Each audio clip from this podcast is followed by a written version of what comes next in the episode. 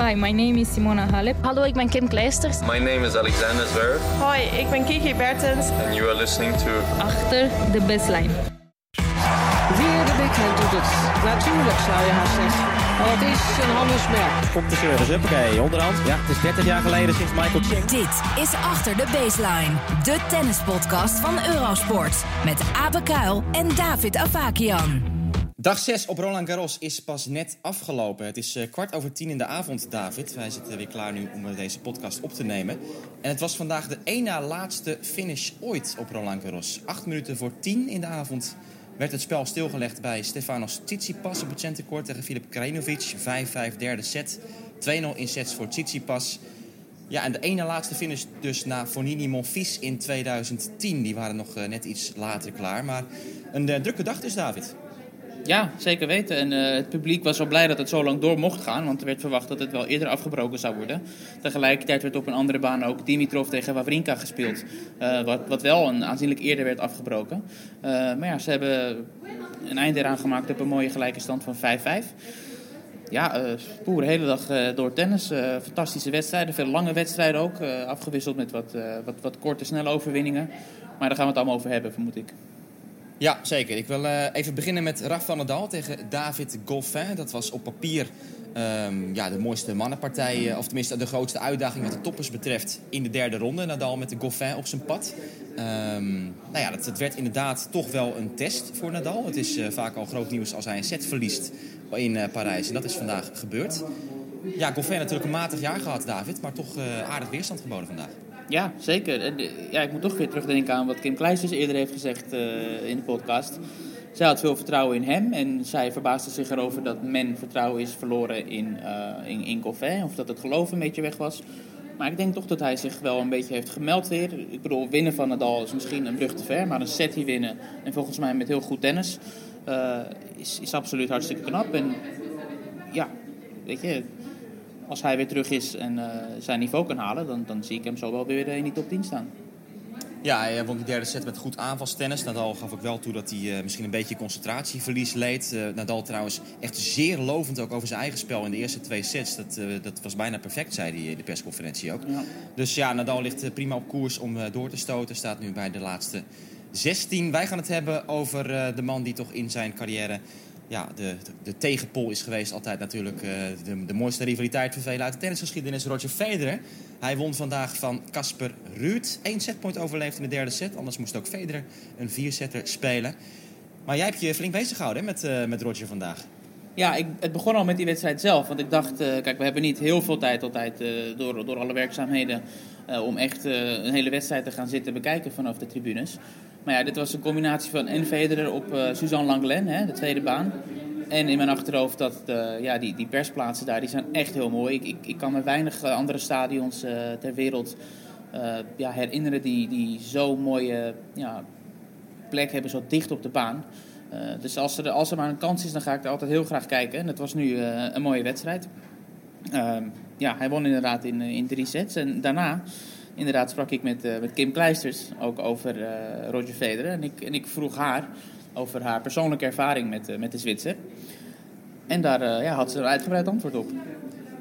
Kim, ik wil het vandaag graag hebben over Roger Federer. Iemand die jij al heel lang kent samen uh, opgekomen. Wat is de allereerste herinnering van Roger Federer voor jou? Uh, mijn allereerste herinnering van Roger is um, toen dat wij nog bij de junioren speelden. Uh, ik was jong, ik was vrij jong toen ik aan de junioren begon. Dus hij was een aantal jaartjes ouder. Maar Roger was altijd de, de, de persoon met, um, ja, waar dat er altijd heel veel ambiance rond was. Hij, ik weet bijvoorbeeld, er was een, een, een, keer een moment, ik denk dat we in Japan waren. En dat wij ja, dus dat hij zijn wedstrijd gespeeld had. En iedereen graag, ging graag naar zijn wedstrijden kijken, omdat hij, ja, nogal, hij kon zich nogal een beetje zot of uitbundig gedragen. En hij, hij was niet verlegen om uh, een raket te breken. En uh, dus er was altijd wel heel veel plezier als, als Roger in de buurt was.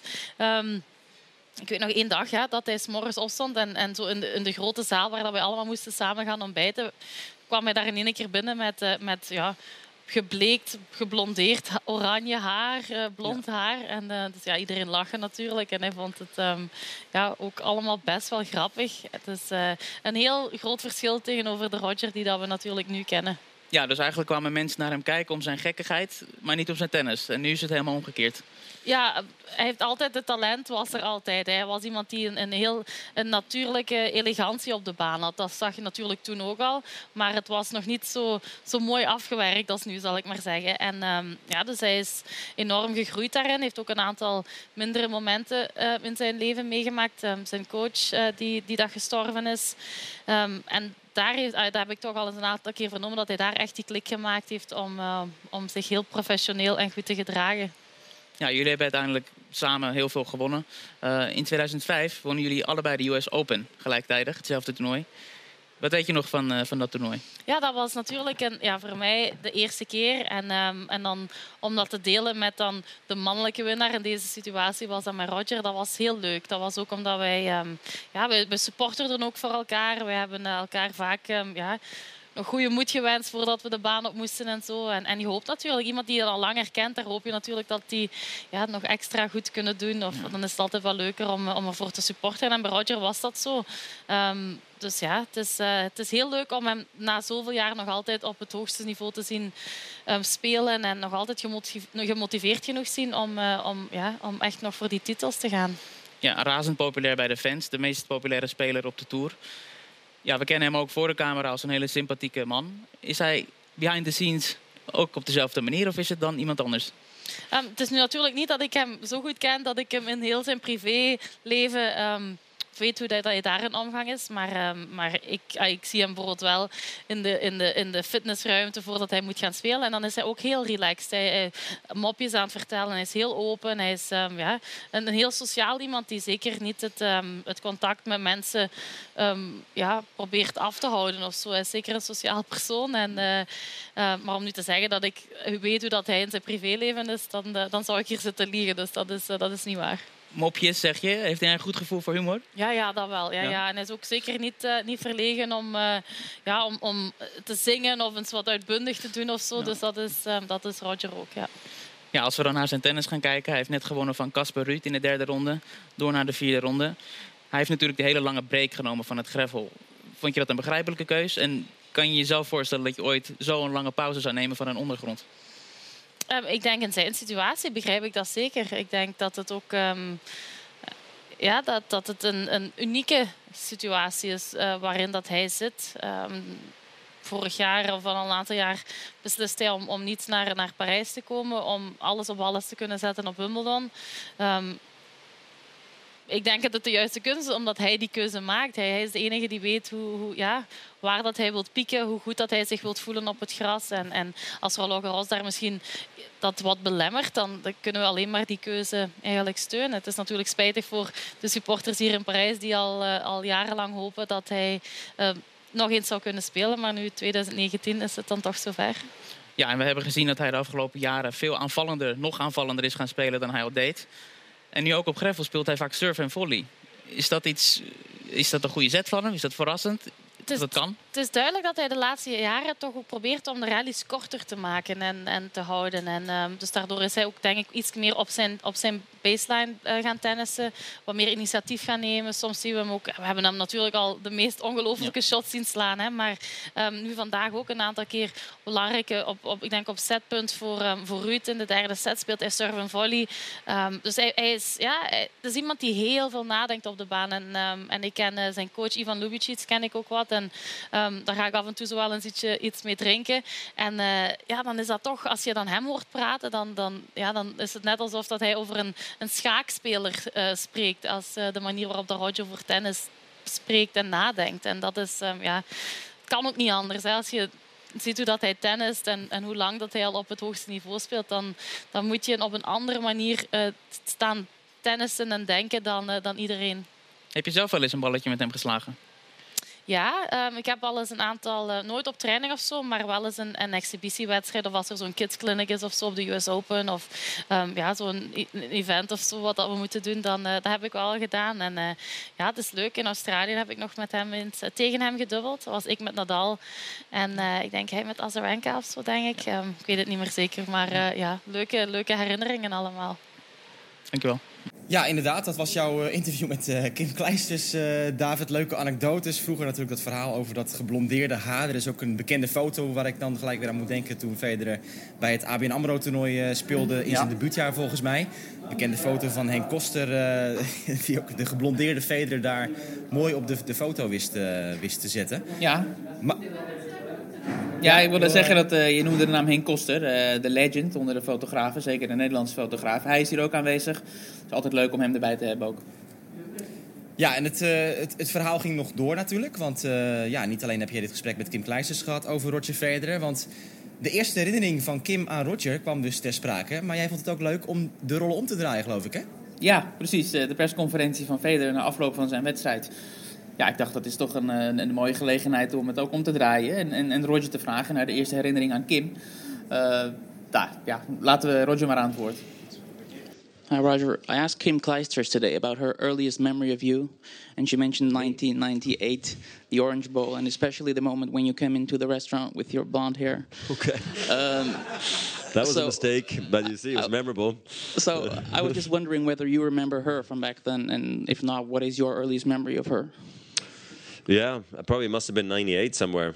I wonder Wimbledon maybe or some other place. Um, but you know, the Swiss row was very close to to the people from Belgium. I had a, a, a Belgium doubles partner in Olivier Rockes, and I grew up with him and Xavier Melise um, throughout my entire junior times, you know, from under 12 all the way to under 18. And then Kim obviously uh, came into the picture at some stage. And uh, they're all very friendly, you know. So Kim was the same, always has been, and it's always a, a, pleasure to see her. And then obviously it's more exciting when you can go from juniors to pros together and and go all the way and win, uh, you know, win Grand Slams, become world number one. It's, it's fun. Uh, so I, I, must have been at some point in '98, but I don't have a vivid memory that she dyed her hair red or anything. I don't remember that part. Florence, 98, Easter.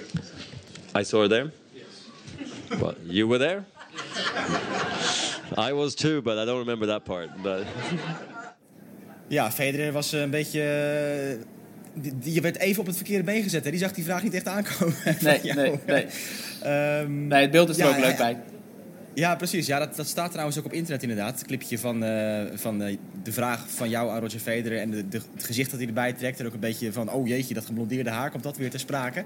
En uh, mensen in de zaal moesten ook wel meelachen met jou daar, geloof ik. Dus dat... Ja, dat was leuk. Dus Kim en Roger inderdaad, ja, die gaan natuurlijk al heel lang terug, zoals gezegd. En uh, ja, wat, uh, wat kun je daar nog meer over zeggen, David? Nou, ik kan erover zeggen dat zij vaak door andere spelers en andere legends die ik heb gesproken... Lindsay Davenport kan ik me herinneren. Die, uh, die noemde Federer en, en Kleisters als twee voorbeelden van spelers... die op de baan echt tot het uiterste gaan en vechten voor wat ze waard zijn. Maar daarnaast zo ontzettend sympathiek zijn. dus ja, dat, dat, dat verenigt en dat, dat, dat zijn overeenkomsten. We kunnen het uh, bruggetje maken van de ene Zwitser naar de andere Zwitser. Want Stan Wawrinka die speelde vandaag tegen Grigor Dimitrov. En er was al veel ophef over het feit dat uh, die wedstrijd niet op het centercourt geprogrammeerd stond. Um, ja, het werd dus een wedstrijd die op het koers Suzanne Langlen moest worden afgewerkt. Alleen dat ging ook niet door. Nee, want de wedstrijden daar waren bijzonder lang. Uh, niet allemaal uiteraard, maar er was vooral één hele lange wedstrijd. En dat was die van, moet je me even helpen, ja, um, Klisan die moest tegen Pouille de partij afmaken. Nee, dat is, uh, dat is Chatrier. Dat is Chatrier. Oh ja, ik, oh ja, excuus. Ja, ik zit verkeerd te kijken inderdaad. Eén uh, lange wedstrijd. Sevastova tegen Mertens aan het begin van de dag. 11-9, derde ja. set. Partij ja, die duurde 3 uur 20 minuten was dat. Ja, 11-9. Dus dat liep allemaal uit, waardoor die wedstrijd van Wawrinka en Dimitrov ja, verder werd gedegradeerd, als het ware, naar Court One. Prachtige baan. Maar ja, een groot probleem daarbij is dat er natuurlijk veel mensen die wedstrijd op Suzanne Langlen wilden bekijken. Het was een van de mooiste wedstrijden van de dag. Misschien wel de mooiste qua affiche. Uh, En Courtois is, is echt aanzienlijk kleiner dan Langlen. En ja, niet genoeg stoelen voor al het publiek dat daar naar binnen wilde. En dat leverde ja, wat commotie op buiten Courtois. Want mensen stonden daar in lange rijen. Ik, ik ben even wezen kijken hoe dat allemaal, uh, ja, wat er allemaal aan de hand was nou ja, ik zal even inhaken, want de, kijkers op Eurosport die konden ook echt heel goed horen dat er gewoon uh, constant werd, werd uh, ja, gejoeld en boel geroepen. En mensen die, die boos waren op de achtergrond. Dus ik, ik kreeg ook al wat berichten binnen van ja, wat gebeurt er eigenlijk precies allemaal?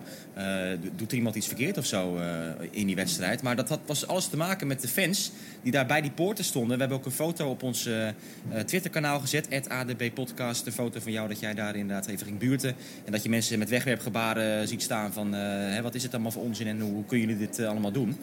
Dus eh, ja, maar de, organisatie had natuurlijk niet echt een keuze. Want als je moest wachten, ja, dan komen die gasten pas eh, om half negen de baan op. En dan kunnen ze één set spelen. En je wilt natuurlijk zoveel mogelijk als organisatie proberen om ja, een wedstrijd uit te laten spelen. Of in elk geval het maximale uit een partij te halen. Ja, en ik weet zeker dat die spelers dat zelf ook wel prettig vonden om gewoon die wedstrijd te spelen waar dan ook. Oké, jammer dan dat het om een iets kleinere baan moet. Uh, maar de sfeer daarbinnen was wel echt waanzinnig. Want het publiek ging helemaal tekeer. Uh, en ja, het werd dus gestopt bij een 7-6, 7-6 voorsprong voor Wawrinka. Ja, inderdaad. En uh, die moeten dus morgen die partijen gaan uitspelen.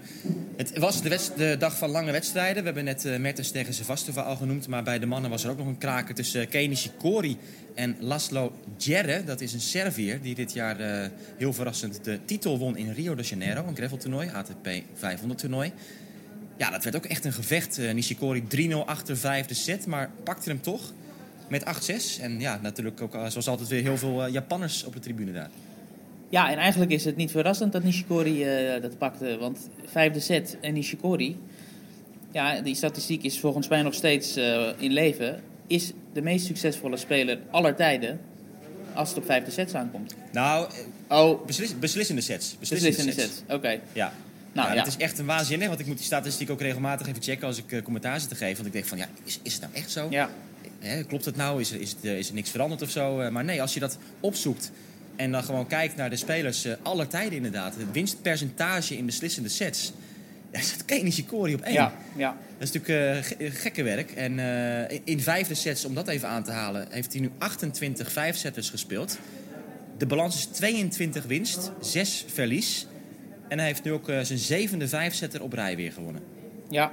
ja, dat moet een vertrouwen geven zeg. Als je, als je weet dat je in de vijfde set terechtkomt. Maar het, maar, maar het grappige is ook juist dat die Sikori natuurlijk eigenlijk een hele fragiele speler is. Hè? Zo vaak geblesseerd, et cetera. En dan dit soort wedstrijden gewoon heel vaak winnen. Ja, het interessante is eigenlijk wat je zou moeten uitzoeken is de wedstrijd onmiddellijk na die vijf setters. Hoe dat ja, uitpakt inderdaad. voor hem. Ja, precies. Dat, uh, dat is wel een dingetje, ja. Um, over die vijfzetters, ik zat een beetje na te denken van memorabele vijfzetters van, uh, van Nishikori. En een partij die er voor mij uitsprong, dat was een keer een zege op Andy Murray bij de, bij de US Open. Ja. Volgens mij was het een van de eerste jaren dat dat dak ook uh, in het Hard West Stadium was. Misschien wel het eerste jaar. Was dat En, niet het eh, jaar dat hij de finale haalde? Nee, nee, nee, nee volgens mij niet. Nee, nee dat was een andere, andere editie. Maar ja, Kei Nishikori, dus de marathonman uit Japan. Uh, dat zijn een beetje de, um, de hoofdaffiches geweest bij het mannentoernooi. Ik vond nog wel opvallend dat Benoit Per in straight won van Pablo Carreño Busta. Nou, opgave, hè? Oh, nou, opgave. Oh, opgave, opgave van Carreño Busta in de vierde set, uh, meen ik. Dus dat is niet helemaal... Uh, oh, dat heb ik even verkeerd gezien dan. Okay. Een zuivere overwinning. En ik, ik bedacht me ook... Gisteren hadden we het over die Fransmannen. En ik wilde een hele lijst opnoemen, maar ik zat op met de loting te kijken. Ik denk, waar zijn ze nou allemaal gebleven? Maar ik moest even mijn blaadje omdraaien natuurlijk. Want er zitten er een aantal in deze helft van het schema. Want ook Mahu, ja. die, uh, die speelde vandaag. Dat prachtige verhaal waar we het eerder over hebben gehad. Tegen Leonardo Maier. Hij heeft het niet gered. 7-6 verloren in de vierde set. Na 3 uur en 30 minuten. En Maier speelt nu tegen Federer in de volgende ronde. Ja, en ik moest meteen denken aan die ontmoeting tussen Federer en Maier in Shanghai. Ja, matchpoints voor Leonardo Maier. Hij had een makkelijk backhandje dat hij kon afmaken. Hij miste ja. die bal. Ja, en toen, uh, toen kwam het tranendal van de Argentijn. Het was echt, echt waanzinnig. En Federer won het toernooi, uiteindelijk. Federer won toen het toernooi, maar dat is, dat is zo'n jaar of vijf geleden of zo. Nou, niet, nee, maar een jaar of, uh, jaar of 2015 of zoiets is dat geweest. Nou ja, vier jaar geleden. Dat, uh, oh ja, dat gaat snel. Ja, ja. ja dat, gaat, dat gaat snel. Maar over tranen en Maier gesproken, want ja, dat is toch wel een, een prachtig moment geweest vandaag. Ook die wedstrijd was afgelopen. Mahu tegen Maier. En toen, ja, Mahu dus uitgeschakeld. Hij werd emotioneel. Het zoontje van Mahu kwam de baan op. En, en die gaf een knuffel aan Mahu bij het bankje. En Maier stond dus aan de andere kant van de baan. Die stond ernaar te kijken. Ja, en die werd daar dus ook gewoon emotioneel van. Dat tafereel van, van Mahu met zijn zoontje. En uh, je had bijna de indruk dat hij, dat hij spijt had dat hij die wedstrijd had gewonnen. Ja, het, ja. zo, uh, zo aandoenlijk was allemaal. Ook dat hebben we trouwens op, uh, op Twitter geplaatst. Als u dat filmpje nog niet heeft gezien. Het zal ook op eurosport.nl staan trouwens, besef ik me nu. Maar ja, dat, dat was ja, heerlijk. Dat, ja, dat zijn zo, toch heerlijke momenten. Ja, zo zijn er al een aantal mooie momenten geweest. Hè. We hadden het gisteren over de Potro Nishioka. Dus uh, ja, de, de, de, emoties zijn, zijn rijkelijk aanwezig in Parijs dit jaar. Voor we doorgaan naar uh, de vrouwen, David, wil jij nog even iets zeggen over een interview dat jij vandaag had met uh, Jean-Julien Royer? Ja, hij heeft de derde ronde bereikt. eh, de Nederlandse dubbeltopper. Samen met zijn partner Horia Tekau. Eh, hij speelt morgen tegen de Bryan-gebroeders. Eh, voor de derde keer eh, vertelde hij mij dit jaar al, dit gravelseizoen al. Dus dat is eh, een, leuke rivaliteit die dit jaar is ontstaan. En dat uitgebreide interview met hem, ook over zijn vriendschap met Andy Murray. En of hij in de toekomst misschien op de dubbelbaan gaat verschijnen met Murray aan zijn zijde. Dat is allemaal te zien op de Eurosport-kanalen, op de website, Twitter, Facebook. Ja, precies. Dat altijd leuk, Chanceling en Royer. De vrouwen, David, ook daar uh, weer veel gebeurd vandaag. Uh, om uh, bij het begin te beginnen, de eerste wedstrijd van de dag op het centercourt was Carolina Pliskova, de nummer 2, geplaatst tegen Petra Martic. Dat was mijn wedstrijd ook vandaag om te becommentariëren bij Eurosport. En dat was een leuke partij, zeg. Dat was ja. goed tennis, de openingsset met name Goh, van beide vrouwen. Echt, echt klasse. En er was een sensatie aan het eind, want Petra Martic won die wedstrijd van Pliskova. Ja, en met duidelijke cijfers, 6-3, 6-3. En was jij niet een grote fan van Martic? Ik kan me herinneren dat jij uh, in het verleden haar naam wel vaak uh, hebt laten vallen.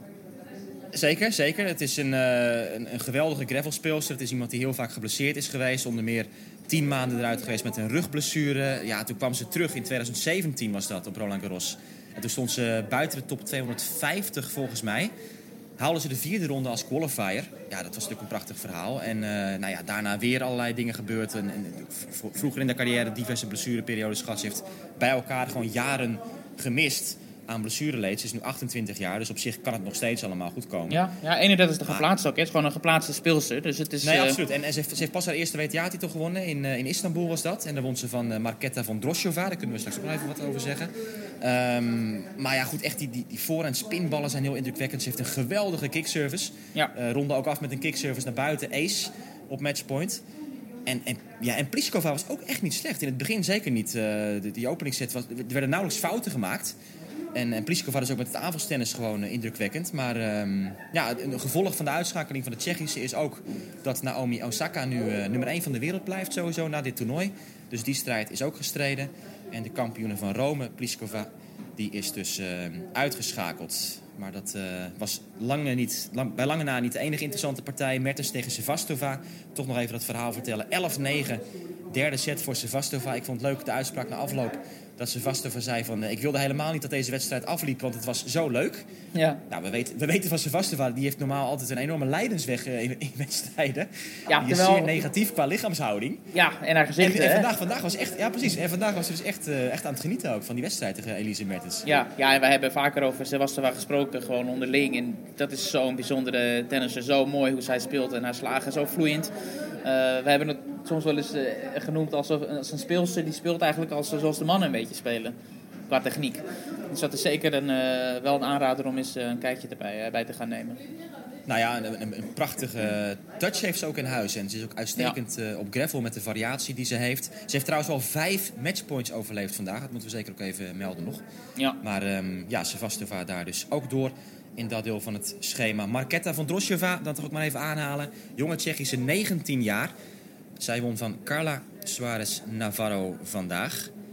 En die kan ook tennis, hè, van Drosheva. Ja, ja lefty, hè. Een Tsjechische uh, nieuw opkomend talent. En al op hele jonge leeftijd brak ze door, al een jaar of drie geleden. Toen even een, een tussenperiode gehad waarin het iets minder ging. Maar ja, zij won ook bijvoorbeeld van Kiki Bertens trouwens vorig jaar op de US Open. En is nu toch wel aan de weg aan het timmeren. En ik verwacht haar ook binnenkort wel tussen de geplaatste speelsters te zien. Zij is de volgende tegenstander trouwens van Sevastova. Dus dat is een ja. uh, mooie partij om naar uit te kijken. Dat is ook een heel open deel van het speelschema. Want uh, Kanepi en Martic zitten daar dan ook nog. Kaya Kanepi die is uh, doorgestoten in dit toernooi... na haar overwinning in de eerste ronde op Julia Gurges... waar we destijds over spraken. Ja, er zijn weer diverse andere namen natuurlijk dit toernooi ook... Hè, die weer aan de weg aan het timmeren zijn. Want nou ja, het kwart met Begu, Anisimova, Alexandrova, Bolsova... Swiatek, Puig, die gaan morgen weer spelen. Die zijn allemaal ongeplaatst. Daar komt dan een ongeplaatste speelster sowieso in de kwartfinales terecht. En dat uh, brengt mij op de volgende leuke statistiek, David. Want Roland Garros 2019, dat wordt het 21ste Grand Slam toernooi op rij bij de vrouwen. Met minimaal één ongeplaatste speelster in de kwartfinales. Ja, 21ste Grand Slam ja. toernooi op rij. Bizar, maar wel leuk. Hè? Ja. Garbine Muguruza tegen Svitolina. Daar wil jij iets over zeggen, toch? Ja, ik, ik heb gewoon vanaf het begin al gezegd dat Muguruza volgens mij weer in zo'n week terecht is gekomen. Waarbij we echt op haar moeten letten. En dat ze zomaar de titel zou kunnen grijpen weer. Zoals ze al twee keer eerder heeft gedaan. Redelijk uit het niet. Hè. Roland Garros een keer gewonnen, Wimbledon een keer gewonnen. En op de reguliere tour is het altijd waar, eh, ja, is ze er gewoon lange tijd niet. Ja, 6-3, 6-3 gewonnen van Elina Svitolina. Een speelster die toch een best goede record uh, tegen haar had. En die ook goed stond te spelen. Uh, favoriet van Kim Kleisters, hè? hebben we een aantal keer genoemd ook. Dus ja, 6-3, 6-3 door naar de laatste 16. Tegen Sloane Stevens. Ja. Inderdaad, Sloane Stevens die had het uh, vandaag ook lastig met Polona Hertzog. Die moest drie sets spelen. Dat was ook uh, weer een worsteling met zichzelf. Grotendeels van wat ik er een beetje van heb uh, gezien van die partij. Um, ja, Kroenic tegen Tsurenko, 11-9, derde set. Ook dat was weer een marathonduel dus. ja, veel lange wedstrijden zoals gezegd, met verlengingen vandaag ook gezien. Ja. ja. dat was inderdaad een verlenging van de wedstrijd van gisteren.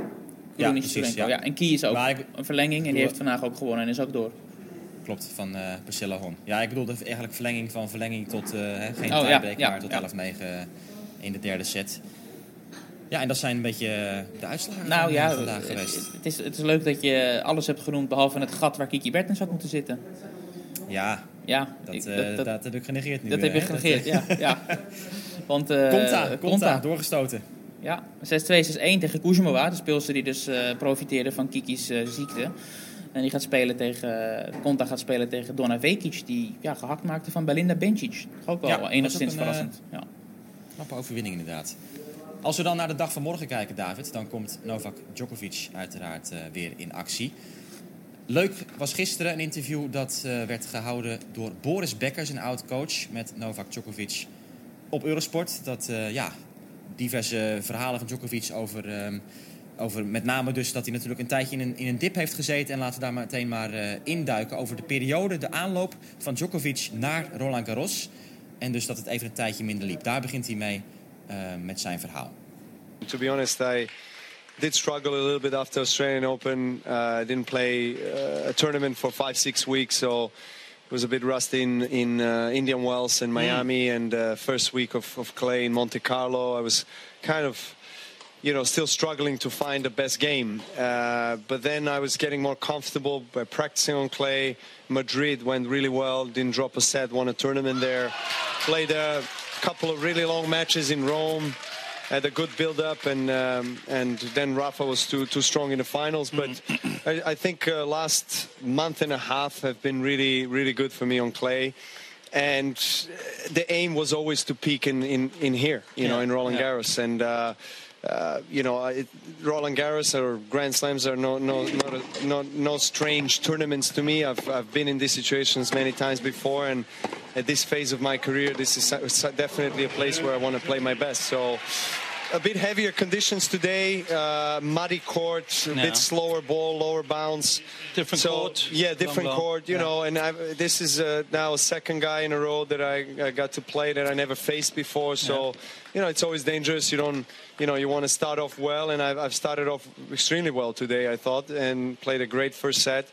Uh, had a, a, little bit of uh, drop of concentration mm. midway to the second, but well, generally really, really yeah. good couple of couple of matches. Now, I'm not expecting you to spell the secret how to peak for Grand Slam, but you can do it. what, what, what, what is it? I mean, all the young guys they try yeah. every week and they look to get to the second week, and you like like precision, like a, a watch. You know exactly yeah. what to do when. So, is there a clear plan in March and mm. April yeah. to get to the tournaments? What what to do? Just give us a little bit of the I the magic. It, I think it's it's mindset and strategy as well. I mean, first of all, I I, I, I think it's very important. As you know, you got to be clear with yourself. What you know, what are your priorities? What are the goals? Where, where you want to play okay. your best. And that's and, always clear. I mean, respect it, to everything yes, you play, but yes, but yeah. you know, some it, it, it, can be clear sometimes in theory, yeah. but you know, uh, then in, in, in, practice you have to do the same, right? And you have to yeah. put it in a practical application on the court and the way you go about everything you know that that you know you need to make make sure that it's in the limelight you know yes. that, that those biggest goals of the year which are grand slams are the, are the ones that count the most for you. So I, I try to adjust everything, you know, wow. my, my family life, everything around you know, peaking at those wow. those biggest events. They're all uh, part of it. I mean, they, yeah. your wife is here, you two yes. kids. Yes, well, every, whole, everyone is. So you rented say, the house, the whole. Yes, the, the, the yes. winning formula. The winning. Okay. yes, well, we hope. You know, I mean, this is it has worked in the past, yes. and it has worked especially in the last 12 months. I mean, right. winning Wimbledon last year it was it was a huge confidence boost and it was a huge springboard for what what, what was coming up after that. Yeah. You know, and then I was I was uh, I dropped out of top 20. You know, uh, lost here in quarters. Uh, in tough match against Cecchinato last year. And then, you know, I got to uh, grass season. I played really well. Played finals in Queens. The difference then a year makes. The difference a, a year, year makes ago, exactly. you were fighting with yourself Yes. and you weren't sure what to Yes. do Yeah. 12 months ago. And But that's, I think that's power of, of winning a slam. To be honest, Really? as well. It's like yeah, that. I, I, Yeah. I just feel like, especially Wimbledon. You know, Wimbledon is, Yeah. you know, is, is the holy grail, so to say, of, of, of tennis. And I've always dreamed of winning that tournament. You Yes. know, and and winning it uh, after everything I've been through and the surgery and coming back and Yeah. you know finding my myself on the court, off the court. So. That, that was crucial. I Mm. think that after that, I just started to, so to say, breathe again. Yeah, you know, I felt myself uh, on the court again. 15 majors. There's no hiding around. Three majors in a row. Yeah. Is it? You smell something smell there? it. so- It's sweet. There's something in It the used air. Used to be sour. A year ago it was sour, now it's now sweet. it's sweet. Imagine a year ago, and now Yeah. three majors in a row. Yeah. Is there something in the back of your head you're aware of? Of course, it shouldn't matter, but in the morning you wake up, you go, "I'm, I'm close to history." Yes, well, I, you know, the, the the fact that I've done it three years ago, you know, holding all four slams at the time at the same time, uh, gives me enough reason to believe I can do it again. I really, I really believe I can. That's why I'm here. already. Yes, and and. Uh, Look, you know, I, I, I think I, I'm as we as we spoke about at the beginning of the interview. I found my form at the right time. I'm, I'm hitting the ball well. I just need to keep doing things in the way that has worked for me in the past. Um, if I continue progressing this way, I think I have a fair chance to go far in the event, and then everything is in God's hands. What about the other guy from Spain that won this thing 11 times? You, you watch him a little. You, you Of course, I mean, of course, we- you see his yeah. first two matches. Of how- course, how we, you- we all we all watch each other. Yeah. I mean, this it's, Yeah. it's normal, you know, especially when you're, you know, we, we're playing on a we're playing matches on different days, obviously. So, uh, you know, I, I get a get a glimpse you- yeah, exactly. yeah. You know, there are t- TVs everywhere. You know, in your home and uh, practice uh, facility, gym. Locker room, so you you you saw you know the, the main when the main guys are playing, everybody's watching in the locker room, and I you know I watch him, I watch Roger, Yeah. Dominic, the Zverev, Del Potro, all the guys, you know, and uh, you know, I, I, I- I follow them closely, but you know, still the main focus is on my game because I, I know I, have had I've had success against all these guys Yeah. on all different surfaces, and, and I know what it takes to, to really go far in this tournament. Um, I have tremendous respect for all of them. Yeah. I mean, especially Rafa here. I mean, he has lost what two times in his entire career in, One in this against you, court. one you know, you. so uh, so definitely uh, he's an ultimate challenge uh, in Paris. Novak Djokovic, openhartig daar met eh, Boris Becker. Toch ja, raar lijkt me dat natuurlijk als Djokovic nu met Becker in zo'n rol ineens eh, staat. Ja, ja, hij zei ook op een gegeven moment van vertel jij het maar hoe het zit, hè? Ja, dat was Ja, wel precies. grappig. Ja, ja, er was natuurlijk ook op een gegeven moment, eh, toen, toen die breuker was, eh, ja, werd er gespeculeerd, was dat een soort vechtscheiding of was, is dat allemaal soepel gegaan? Maar het lijkt nu in ieder geval allemaal eh gladgestreken te zijn. Ja, Boris Becker overigens, collega bij Eurosport ook. Hè? Dat, dit interview is ook een onderdeel van, van een Eurosport interview. Ja, goed, Djokovic gaat voor vier op rij, hebben we al eerder ook genoemd, eh, opnieuw hè, voor de tweede keer. Ja, wat zou dat betekenen? Nou, dat, eh, dat zou natuurlijk heel historisch zijn. Het is, eh, Djokovic is de enige na Rod Lever die sowieso de vier Grand Slams in handen heeft gehad tegelijkertijd. Dat heeft niemand anders gedaan en hij kan het dus twee keer gaan doen. Ik vond het wel mooi dat moment dat hij zei over vorig jaar het winnen van Wimbledon. Dat dat echt, echt weer de kentering is geweest voor Djokovic. Hij zei, that's the power of winning a slam. Dat Wimbledon winnen.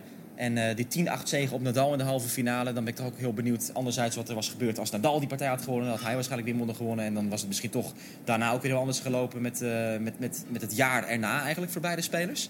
Ehm, ik, ik, ik begon weer te ademen. Ik begon mezelf weer te voelen op de baan. Is wat Djokovic zei na die Wimbledon-titel. Dus dat zijn echt wel eh, ja, duidelijke uitspraken om aan te geven hoe belangrijk dat was. Ja, en een jaar geleden hadden we dat niet aanzien komen. Want ik heb het al één keer eerder aangekaart in een eerdere podcast. Vorig jaar, toen Djokovic hier verloor van Cecchinato, vertelde het zelf ook. ja, was hij natuurlijk helemaal van de kaart. Het was echt eh, een schok. En ik was daarbij toen hij eh, ja, ra- razend van de baan afstapte en meteen de interviewkamer hier eh, op Roland Garros inging. Niet in kamer 1, maar in kamer 2, de kleine kamer. Wat, wat natuurlijk ongebruikelijk is en ongehoord voor zo'n grote speler. En hij liep daar binnen en hij was, hij was niet te genieten. En, en hij sprak daar zelfs de woorden van... Ik weet helemaal niet of ik op gras ga spelen. Tja, Misschien ga ik helemaal geen Wimbledon spelen. En, en toen won hij het. En dat is nu, eh, ja, met, met de kennis van nu... Het, eh, het, het, het moment geweest voor hem waarop hij weer de smaak totaal te pakken heeft gekregen. Maar aan het begin van dit jaar, nadat hij Australian Open won... wel enigszins eh, is verloren. Ja, maar goed, maar dat heeft dus te maken met... Je hoort ook hoe hij erover praat, ook iets over die periode. Hij doet het heel luchtig af. En dat, Ja. dat, zo is hij ook altijd eigenlijk eh, geweest in de afgelopen maanden. Weet je? De buitenwereld maakte zich vooral druk van... Oh, oh, wat gebeurt er nou met Djokovic? Snel eruit, Indian Wells, Miami. En, en hij deed toch steeds een beetje af van... eh, ja, weet je, ik weet waar ik naartoe werk en... Het komt allemaal wel, wel weer waarschijnlijk. En eh, ja, dat, dat zien we nu dus toch het bewijs dat hij dat ehm, als het ware Ja. een soort bewust op die manier rustiger aan heeft gedaan. Ik, eh, we hebben volgens mij ook een keer besproken in de podcast Ja. dat hij in die periode regelmatig vakanties nog nam naar de Dominicaanse Republiek, naar, naar Marbella. Eh, nog wezen skiën natuurlijk ook in, in eigen land volgens mij. Dus, ehm, dus tennis was dat moment niet de 100% focus dat het weer is geworden. Sinds, nou ja, laten we zeggen, vanaf Monte Carlo is het weer serieus opgepakt. Daar moest hij nog een beetje inkomen. Maar daarna heeft hij gewoon uitstekend gespeeld. Ja, alles om te pieken op het juiste moment. En Parijs is het juiste moment. Ja, morgen weer een Italiaanse tegenstander voor Djokovic. Hij treft dan eh, de qualifier uit Italië, eh, meneer Salvatore Caruso. Ja, een nieuw gezicht. Eh, Ja. Derde wedstrijd op het centercourt voor Djokovic. Wat zijn nog meer partijen waar jij naar uitkijkt, David, van morgen? Nou, ik ben sowieso benieuwd naar hoe Serena Williams weer op de baan gaat verschijnen. We hebben aangegeven dat het, eh, ja, haar, fysieke gesteldheid altijd een beetje een vraagteken is. En morgen tegen Sofia Kenin vermoed ik dat ze echt wel weer veel ballen zou moeten slaan. Tenzij ze ja, in een soort zone eh, terechtkomt waarin ze Kenin helemaal niet eh, ja, in het spel voor laat komen. Dus dat vind ik wel zeer interessant om te zien. En verder, ja, Osaka zal ze een keer een, een, een eenzijdige wedstrijd hebben. Of gaat het weer een, een heel gevecht worden tegen Siniakova in dit geval. Ja, verder, eh, ja, Cuevas tegen Dominic Thiem. Dat wordt ongetwijfeld een prachtige wedstrijd vol hele mooie lange punten. Dus genoeg eh moois weer. Ja, voor Nini Bautista goed. Ook de eerste partij op het koers Suzanne Langmen. Dat zijn wel een paar wedstrijden daar eh, die best lang kunnen duren, denk ik. Eh, ja, Osaka en Williams, dat is eigenlijk ook waar ik het meest naar uitkijk. Eh, de vraagtekens toch een beetje die er zijn omtrent eh beide spelers. Eh, ja, Osaka, wat jij zegt, kan ze nu een keer een, eh, een routinezege misschien boeken tegen Sinjakova. Dat is denk ik wel een goede matchup voor Naomi Osaka om eens een keer eh, ja, lekker door te pushen misschien naar de laatste 16 hier. Ja, en Osaka en Williams die komen steeds dichter bij elkaar. Hè? Want als daar een rematch Zo. van komt, dan... eh dat is kwartfinale, hè, meen ik. Dat die tegen elkaar Kwartfinale, ja. Er moet nog wat gebeuren. Want eh, Madison Keys die zit er nog tussen. En eh, Ashley Barty eventueel bij Serena. Dus zover zijn we nog niet. Maar Nee. daar wordt al wel stiekem over gesproken daar in Parijs. heb ik ook wel begrepen. Zeker. Ehm, ja, en Simone Halep, titelverdedigster. Zij gaat morgen openen tegen Lesia Tsurenko. Dat wordt weer een, een mooie dag, denk ik, David. Alexander. Zverev nog tegen Dusan Lajovic. Geen walkover wordt dat trouwens voor Zverev. Nee, nee, Eh, je Lajovic niet heel goed seizoen gehad natuurlijk op Gravel ook. Dus dat finale wordt, eh, Monte Carlo, heel verrassend gespeeld. Dus dat is Ja. nog wel een interessante eh, partij. En het is allemaal weer eh, live te zien natuurlijk op Eurosport 1, Eurosport 2, de Eurosport Player. Alle wedstrijden kunt u dan zelf ook weer uitkiezen. David, heb jij nog wat eh, slotwoorden Nee, vandaag? nee alleen eh, dat volgens mij de temperatuur nog verder gaat stijgen hier. Dat zou ook nog eh, invloed kunnen hebben op het spel. Dus dat is zeker iets wat we ook in de gaten moeten houden. Precies, nou dat eh, is alleen maar goed nieuws voor Nadal denk ik ook. Hoe, eh, hoe droger, hoe warmer het gravel, hoe eh, meer topspin hij nog kan genereren. Hetzelfde geldt voor Dominic Thiem en Pablo Cuevas morgen. Dus dat kan ook een echt een lekker gravelgevecht gaan worden. We gaan het allemaal bekijken weer wat het gaat opleveren. Morgen zijn we er weer met een nieuwe aflevering van Achter de Baseline. Bedankt weer voor het luisteren.